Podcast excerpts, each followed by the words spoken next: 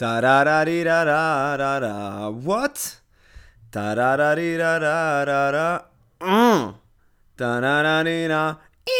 Da da dee da. What? Dee da na na na na.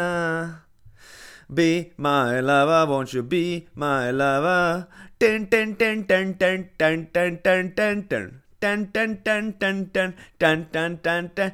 Looking back to all the times we've been together. Hey! Hej och välkomna till Nicks hörna allihopa, det här är ju en del av Bänkvärmarna, Sveriges bästa basketpodd. Uh, Rått och spontant, ni vet hur det är, jag klipper inte, jag justerar inte, vi har inte tid för det där, okej? Okay? Klippa, justera och allt det där, det är som att sminka sig liksom. Egentligen onödigt. Gå ut och visa vad du egentligen är. Klipp inte, justera inte, utan var spontan. Det är, det är mottot, det är mitt motto här i, här, här i livet. Och välkomna uh, till ett nytt avsnitt som sagt uh, En del att prata om, idag kommer jag inte prata alls om NBA Jag känner äcklet när jag tänker på NBA, jag känner verkligen att jag är otroligt jävla trött på den här ligan. Jag bara orkar inte, jag orkar inte. Jag, det... det finns ju bara ingen rättvisa i NBA jag vet att det låter som att jag töntar mig Men det finns ingen rättvisa, det är ju... Det mesta känns som typ ren slump Alltså bara det att LeBron har fyra titlar Det känns som en slump, han bör ju ha fler han har verkligen förtjänat med sitt spel fler än fyra titlar, men han kommer inte... Han kanske vinner en till, men det är också tveksamt. Men hur som helst, vi ska inte prata om NBA. Vi pratar inte om NBA idag, vi fokuserar på svensk basket. Fina, fina svensk basket och... Uh, vi får väl börja med att prata om Göteborgsfestivalen. Göteborgsfestivalen kommer att äga rum i Göteborg. Wow, tro det eller ej. Uh, nästa vecka och uh, jag älskar Göteborgsfestivalen. Det är ju liksom... Det är något fantastiskt med flera tusen eh, basketspelare på en och samma plats. Det är underbart. Det är, vi har inte många sådana här tillfällen i Sverige där många, tusentals basketmänniskor samlas. Men eh, i Göteborg så händer det och det är något jag ser fram emot. Vi har inte haft Gbg-festivalen sedan 2019. Så det här comeback-året känns extra kul faktiskt. Och eh, jag kommer att spela ni som lyssnar på den vet, jag kommer säkert att sitta på bänken. Det roliga är att min poddkamrat som är med i mitt lag, Henrik Johansson, han bara skriver till mig, ja men, han skrev så här, ja jag kommer sitta på bänken men du, Nick och några andra, ni kan spela. Jag bara, Johansson, jag tror inte du förstår hur jävla washed jag är. Jag är tvättad. Alltså jag, jag springer aldrig. Jag, sprint, jag har inte sprintat på, ett, på ett år ett och ett halvt år. Visst, jag gymmar mycket och kör mycket axelpress, bänkpress, ni vet hur det är. Men jag, nej, jag kommer inte kunna spela mer än 10 minuter. Max, alltså på riktigt. Jag är så tvättad att jag, jag har hängt i tvättkorgen länge. Någon behöver bara kasta in mig i tvättmaskinen, sen är det över. Det finns inte mycket kvar i mig. Så Johansson han, eh, han är lite delusional om man tror att jag kan dra lasset. Vi har lite andra spelare, andra spännande spelare i laget. Och det viktigaste är bara att vara där och ha kul. Alltså vem... Jag har vunnit Göteborgsfestivalen 20 plus kategorin med XY-laget. Det var ett riktigt bra lag, vi hade ju liksom Andreas Persson, Fredrik Andersson, Simon Gunnarsson, Emil Lundstedt, Nathan David, Viktor Grente, Haise Ismaili Alltså det, det var ju bara ett bra lag, bra lag som jag satte ihop, jag coachade, jag spelade inte. Och det finns en anledning till att du inte spelade. Och det är att jag är och var en dålig basketspelare. Men nu är jag en dålig basketspelare som är ur form. Det, det är en helt annan nivå. Men hur som helst, Göteborgsfestivalen, jättehypad, det kommer bli jätteroligt. Och vet ni vad? I år är det första gången jag kan dra till Göteborgsfestivalen och verkligen inte vara rädd för att bli dissad. Ni vet, ni som har följt mig, och lyssnat på, blogg, och lyssnat på podden och läst min blogg, min Twitter vet att ett stort problem i mitt liv har alltid varit att så snabbt det blir en sån där basket gathering att folk vill inte säga hej. Det är jättekonstigt. Alltså det är ett fenomen och jag vet andra basketmänniskor som har sagt exakt samma sak till mig. För liksom, jag vet vilka alla spelare i basketligan är. Och de vet vilka jag är, i alla fall många av dem. och vi kanske jag vet inte, jag kanske har tweetat någon gång åt någon person Men sen ses vi i verkligheten så försöker folk, alltså folk duckar Det har hänt mig många gånger att du säger bara 'Tjena!' Och folk bara går förbi, de bara säger inget tillbaka Bara ja ah, men vi känner ju inte varandra Men snälla sluta men Det där är ju så jävla patetiskt Men! Jag måste säga så här. Efter att ha gnällt om det här i många år på sociala medier Har jag börjat se vändning Började med den här matchen i Globen, Sverige mot Finland, det var, där kände jag verkligen att folk sa hej. Och jag var chockad. Jag bara wow. Folk kommer fram och säger hej och folk dissar inte mig liksom när man försöker få ögonkontakt. Ni vet den här stunden när du går förbi någon människa du typ känner men det är inte så att ni är tajta. Men man vill ändå säga hej, man vill ändå visa respekt liksom. Och den här stunden när man får ögonkontakt i typ en sekund och bara Ska man säga hej eller inte? Ska man, äh, vågar man? Det har blivit bättre, samma sak i landskampen i Norrköping, Sverige mot Kroatien, folk, folk säger hej. Alltså, det känns jättelovande och spännande och Den där festivalen, jag tror faktiskt att jag inte kommer bli dissad konstant, som jag var förr jag, jag har sagt det innan, men jag säger det igen.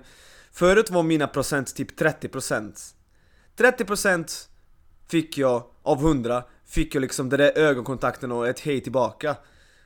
Resten var ju bara, alltså, ah, bara folk som låtsas vara coola bara, du vet, vad tror att Alltså det är så jävla patetiskt. De låtsas så att man inte känner varandra, jag vet inte varför, det är bara jättecringe. Men Göteborgsfestivalen, vi ses där. Om ni ser mig, kom fram, säg hej, det uppskattas. Jag älskar att prata basket. Och jag älskar alla basketmänniskor. Nästan alla. uh, på... Vi har sett nu på basketlandslagets hemsida att uh, landslagstrupperna för U-landslagen har kommit ut. Och det är jättekul att se de här listorna, det är många spelare man har koll på. Och jag tycker att det är dags, alltså Vi pratar mycket om att svensk basket går framåt. Men när det gäller resultat Står vi still. Jag vet att damerna kom topp 8, fantastiskt, otroligt, det kommer jag återkomma till lite senare. Men resultatmässigt, ah, jag vet inte fan om vi tar de här stegen. Jag vill se att många av de här landslagen tar klivet upp till A-divisionen. För det finns talang, det finns potential. Och jag kommer faktiskt ta ut en spelare att hålla koll på i varje U-landslag en spelare att hålla koll på till sommaren när det är dags att spela.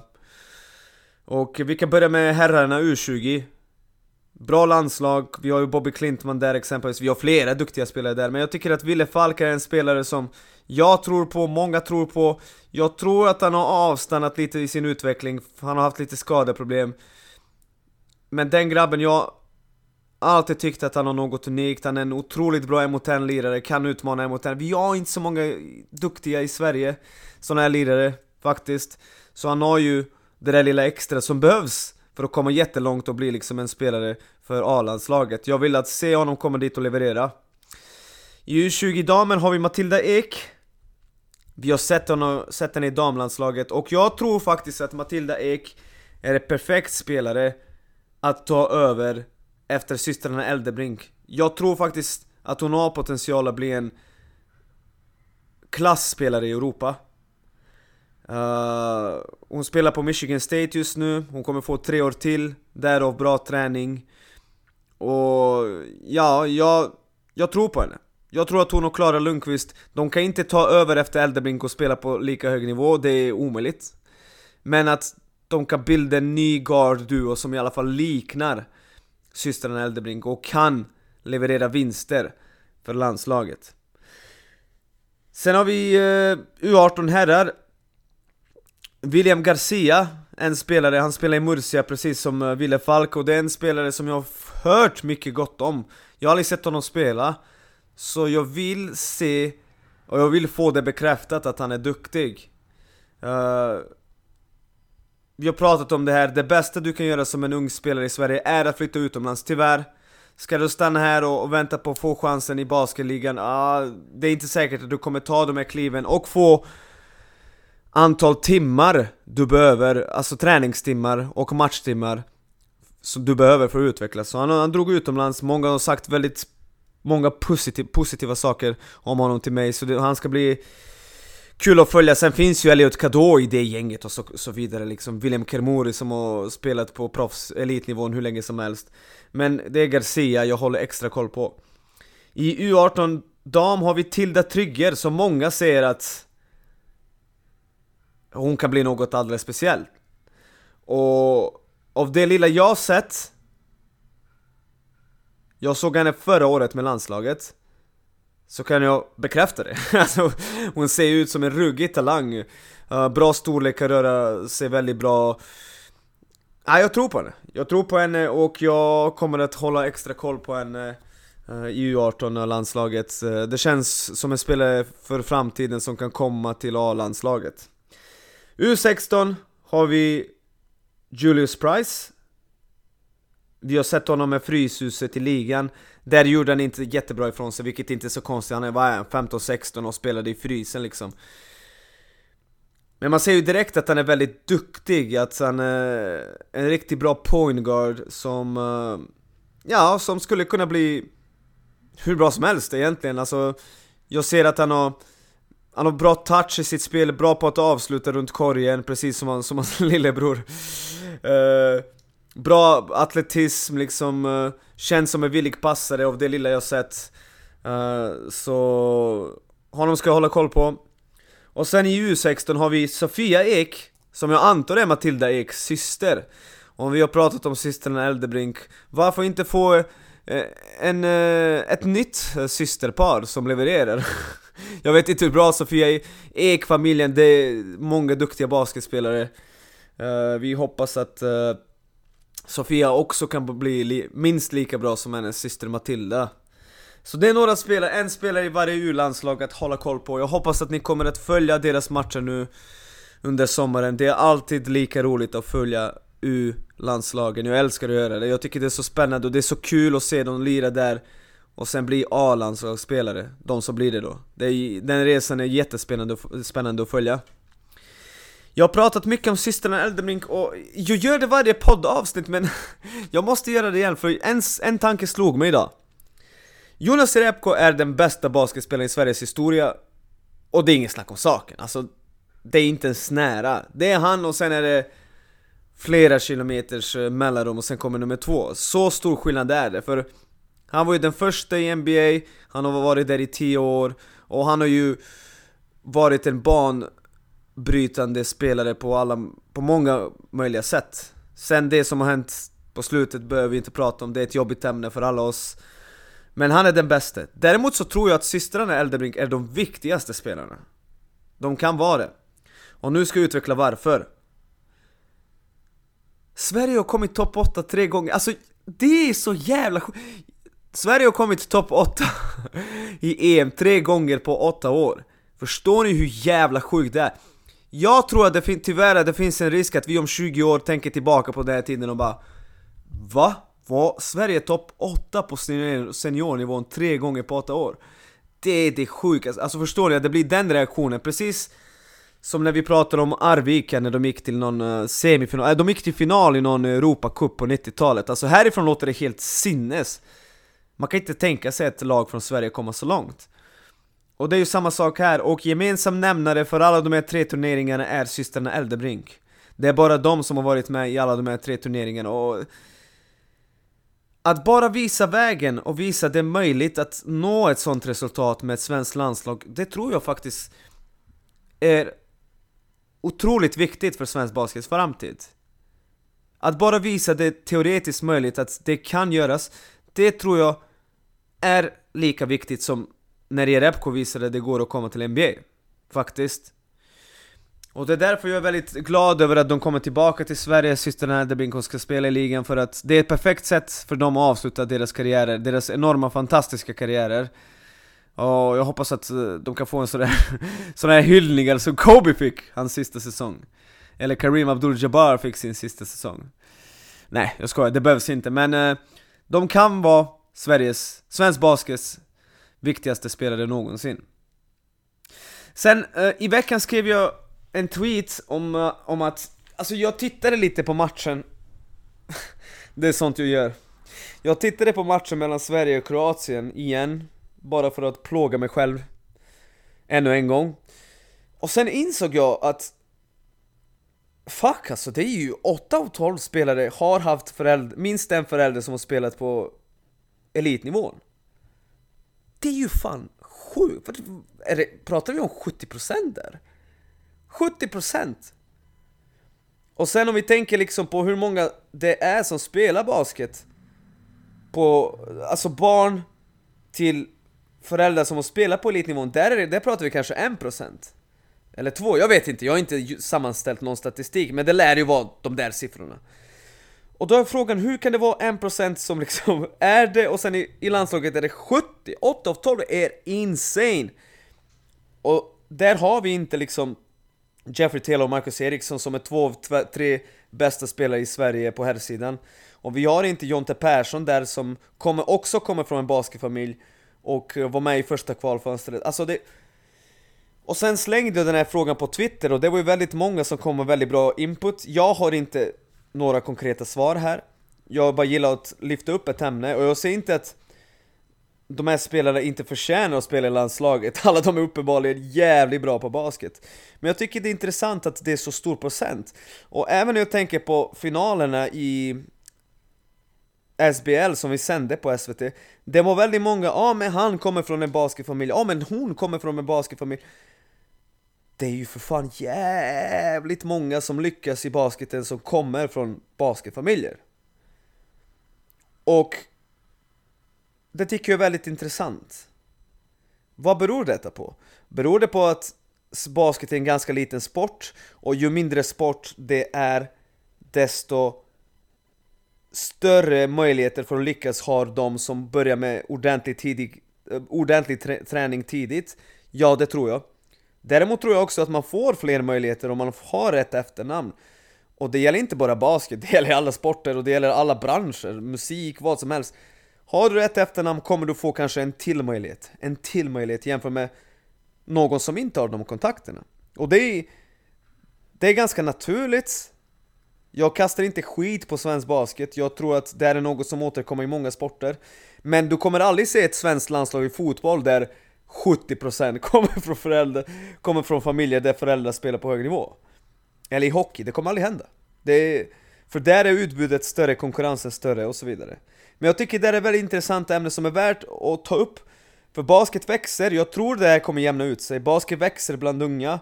Vi har allt fler från olika områden som vill spela jättekul.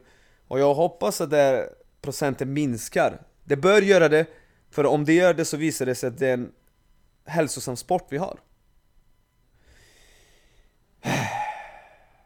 Mhm, ahaha. Hohoho. Vi går vidare.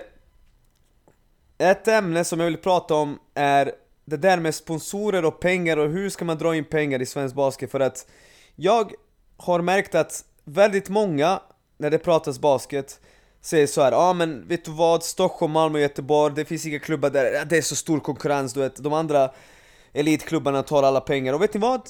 Jag tror det är en bullshit ursäkt Jag tror inte på det där Vet ni vad? Jag tror faktiskt exakt tvärtom Jag har alltid trott att om du har en framgångsrik, framgångsrik klubb i en stad Att det ger bra möjligheter till andra framgångsrika klubbar eh, Förlåt, till andra klubbar från andra sporter att bli framgångsrika. Att alla de lever i en symbios och går det bra för en klubb så finns det möjligheter att det går bra, bättre för andra klubbar. Och just nu lyssnar du på det här och tänker ja men eh, vad snackar du om? Det är ju skitsnack, det är, va? Lyssna på mig. Här i Borås känns det som att varje gång det har gått bra för Elfsborg, att det har funnits folk som har velat investera i andra sporter också. Det är helt sjukt, men jag har sett det med mina egna ögon och jag är helt en miljard procent övertygad att det finns tillräckligt för peng med pengar för alla klubbar som vill satsa i Göteborg, i Stockholm, Malmö, Norrköping, Borås, Luleå, Sundsvall. Det, pengarna finns där ute. Det handlar om din produkt. Det handlar bara om din produkt. Jag är ledsen men så är det. Det är din produkt, det handlar om hur bra säljare har du? Hur bra arrangemang har du?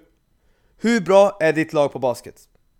Eller hockey, eller handboll, skitsamma. Det är det det handlar om. Tro inte alls att det beror på att, ja men stor stad, mycket konkurrens, eller även om det är en liten stad, vadå? Bara för att, låt, vi får ta en mindre stad, kanske Luleå liksom Det är en liten stad en skithåla. Uppe i norr. Uh, de, vad har de? 60 000 pers där. De har ju liksom en SM-finalist i, i hockey, en SM-guldmedaljör, nej de har ju, förlåt, de har ju en SM-guldmedaljör i hockey, en silvermedaljör i hockey, så vi pratar, damerna vann ju, herrarna kommer tvåa, och sen har de två slagkraftiga lag på basketsidan också, så där har vi redan fyra lag. Fyra lag där man måste investera. Man måste investera i för att det ska gå bra för dem. Du har fyra lag. Tre klubbar och fyra lag, tror jag. Och det tycker jag är bra exempel på att det går. Det går absolut. Och jag har för mig att de har liksom ett lag i division 1 i fotboll, och visst division 1 är inte superettan eller allsvenskan, men det är fortfarande... Det, det kostar. Så min take här är att Bort med ursäkter, framförallt ni som är från de här stora städerna. Gråt inte. Skyll inte på det konkurrens. Ha bra arrangemang, gör det du kan för att upplevelsen i hallen ska vara bra. Ha bra säljare, alltså det är lättare sagt än gjort, jag vet, tro mig, jag vet. Men se till att sälja din produkt och framförallt ha bra produkt på planen. Alla de här sakerna hänger ihop. Uh, jag lyssnade på 305-podden tidigare idag och eh, där nämnde de att i den här sista, alltså Euroleague som en liga, jag tycker att det är det värsta som har hänt i europeisk basket och det är bara deras fel att basket inte går framåt publikmässigt över hela Europa. Alla förutsättningar finns för att basket ska explodera, de har fuckat upp det totalt genom att ha en stängd, rutten jävla liga där några få klubbar bestämmer allt. Skitdåligt. Men där har de en ungdomsturnering samtidigt som Spinal Four spelas Och där finns ett lag som heter Next Generation, Adidas Next Generation tror jag, skitsamma Det laget består av spelare som inte har kommit till Final Four, tror jag, om jag har förstått rätt Och vet ni vad? Det där tycker jag är fan en skitbra idé! Det här är en fan... Euroleague, de stinker och hatar och de förstör svensk basket, men det där är fan ett riktigt jävla bra koncept som jag nästan skulle vilja se i Sverige. Nu ska jag förklara varför. Många har klagat om, alltså nu, nu har de här landslagstrupperna kommit ut och det är många som säger ah, men mycket Stockholm och tittar du på hur, hur det har gått resultatmässigt så har många Stockholmslag vunnit USM. Och vi vet ju att Stockholmslag brukar göra bra ifrån sig i USM, Stockholm och området, Södertälje, Uppsala, whatever.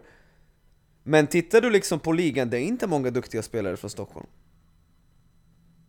alltså de är inte, det är inte så att en majoritet av landslagsspelare i dam eller herrlandslaget kommer från Stockholm. Det, så är det bara inte. Och vad beror det på? Vi, det kan vi prata om i flera år, vi vet att det saknas elitklubbar i Stockholm, bla bla bla. Men jag tycker att eftersom det är många som har åsikter om det och vi inte längre har ett regions, eh, regionsverksamhet, en regionsverksamhet där man kan se kanske spelare från Härnösand, typ. Varför inte ha Final Four och göra det kanske till Final Six, addera ett till lag och sen det sjätte laget kan vara de bästa, de 15 bästa spelarna från, eller 12, 15 är kanske för mycket 12 bästa spelarna från lag som inte har tagit sig till Final Six. Och jag vet att många kommer säga ja, men det är inte rättvist, hur, de som precis hamnar utanför listan, hur kommer de må, bla bla bla. Men jag vet Alltså jag gillar idén! Är du dum i huvudet? Som gillar den här idén, eller? Är du inte det? Snälla kan inte ni skriva, kommentera, jag vill höra era tankar Jag tror faktiskt att Euroleague och hittat något bra där, jag skulle vilja... Alltså, jag hade betalat pengar för att se ett All-star-lag av spelare som inte har tagit sig till Final Four spela i Final Four USM, det hade varit fantastiskt spännande. Och kanske gett de här spelarna som inte spelar i något monsterlag chansen att visa upp sig framför landslagscoacherna och så vidare. Det tycker jag hade varit nice. Skriv gärna, kommentera gärna, jag vill höra era åsikter uh, om det här ämnet.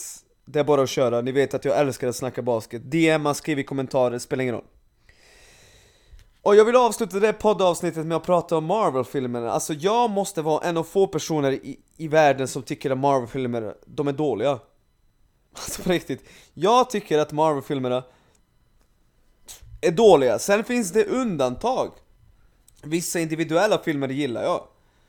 Men överlag, de är ju cringe. Alltså, Marvel-filmerna är ju cringe. Jag fattar inte hur du, de kunde bli den där superjätten som pumpar ut film. Alltså, alla filmer är exakt likadana. Du har en hjälte som typ är underdog i början och sen händer något och så får den här hjälten superkrafter och sen slåss man mot någon som typ har likadana superkrafter eller kommer från samma bakgrund och sen vinner superhjälten, yay! Det är samma film om och om och om och om och om och om och om igen! Och det, det slutar aldrig, de kommer ju, de har gjort tusen filmer känns det som Och det värsta av allt, jag har redan pratat om det, men det värsta av allt är när de ska liksom slåss och så drar de såna här cringe lines Lyssna på mig, om det är väl klart att de här superhero-filmerna inte ska representera, alltså spegla verkligheten Men om, du, om det ska kännas i alla fall lite realistiskt, de kan inte slåss på liv och död och dra skämt samtidigt. Det är därför jag gillar DC, jag gillar Batman, jag älskar Batman-filmerna. Visst, de är kanske också förutsägbara, det är väl klart att Batman vinner i slutet. Fast, fast han gör ju för fan inte det! Det är det som är charmigt med Batman-filmerna, det, är därför, det är därför många älskar Batman-filmer, för att i många av de här filmerna, antingen så dör han eller så blir han liksom utmålad som skurken. De är aldrig nöjda med honom, han, han är aldrig nöjd med sig själv. Och det där är liksom realist, det är ju verkligt. Det är verklighet liksom. Man drar inte liksom tråkiga jävla skämt hela tiden. Aha Joker, ta det här skämtet! Så, hade, hade Batman varit en Marvel-film så hade det låtit sådär när, när superhjälten och skurken slåss. Haha! Jokern! Kolla, jag har ett S i rockärmen, hehe! Alltså, det, det är så jävla cringe, så jävla patetiskt. Så jag tycker att Marvel-filmerna överlag är väldigt överskattade, till och med dåliga. Det är ju samma film som rullar om och om igen och alla deras största fiender är också sjukt cringe. Den enda som är bra är typ Thanos och, och vad heter han i Black Panther? Jag kommer inte ihåg. Han tyckte jag hade jävligt nice story. Killmonger hette han, just det. Men uh, Marvel-filmen överlag, very, very, very bad. Och uh, ja, det var allt för det här avsnittet om Nick Sörna. Tack för att ni lyssnar. Skriv era tankar, skriv era åsikter. Och vi hörs nästa vecka. Uh, vi kommer kanske att spela in ett avsnitt under festivalen, jag och Johansson. Så stay tuned, lyssna. Och glöm för fan inte att bänken aldrig ljuger. da da da di da da da da What? da da da di da da da da What? da da da di da da da da di da da da di da da da da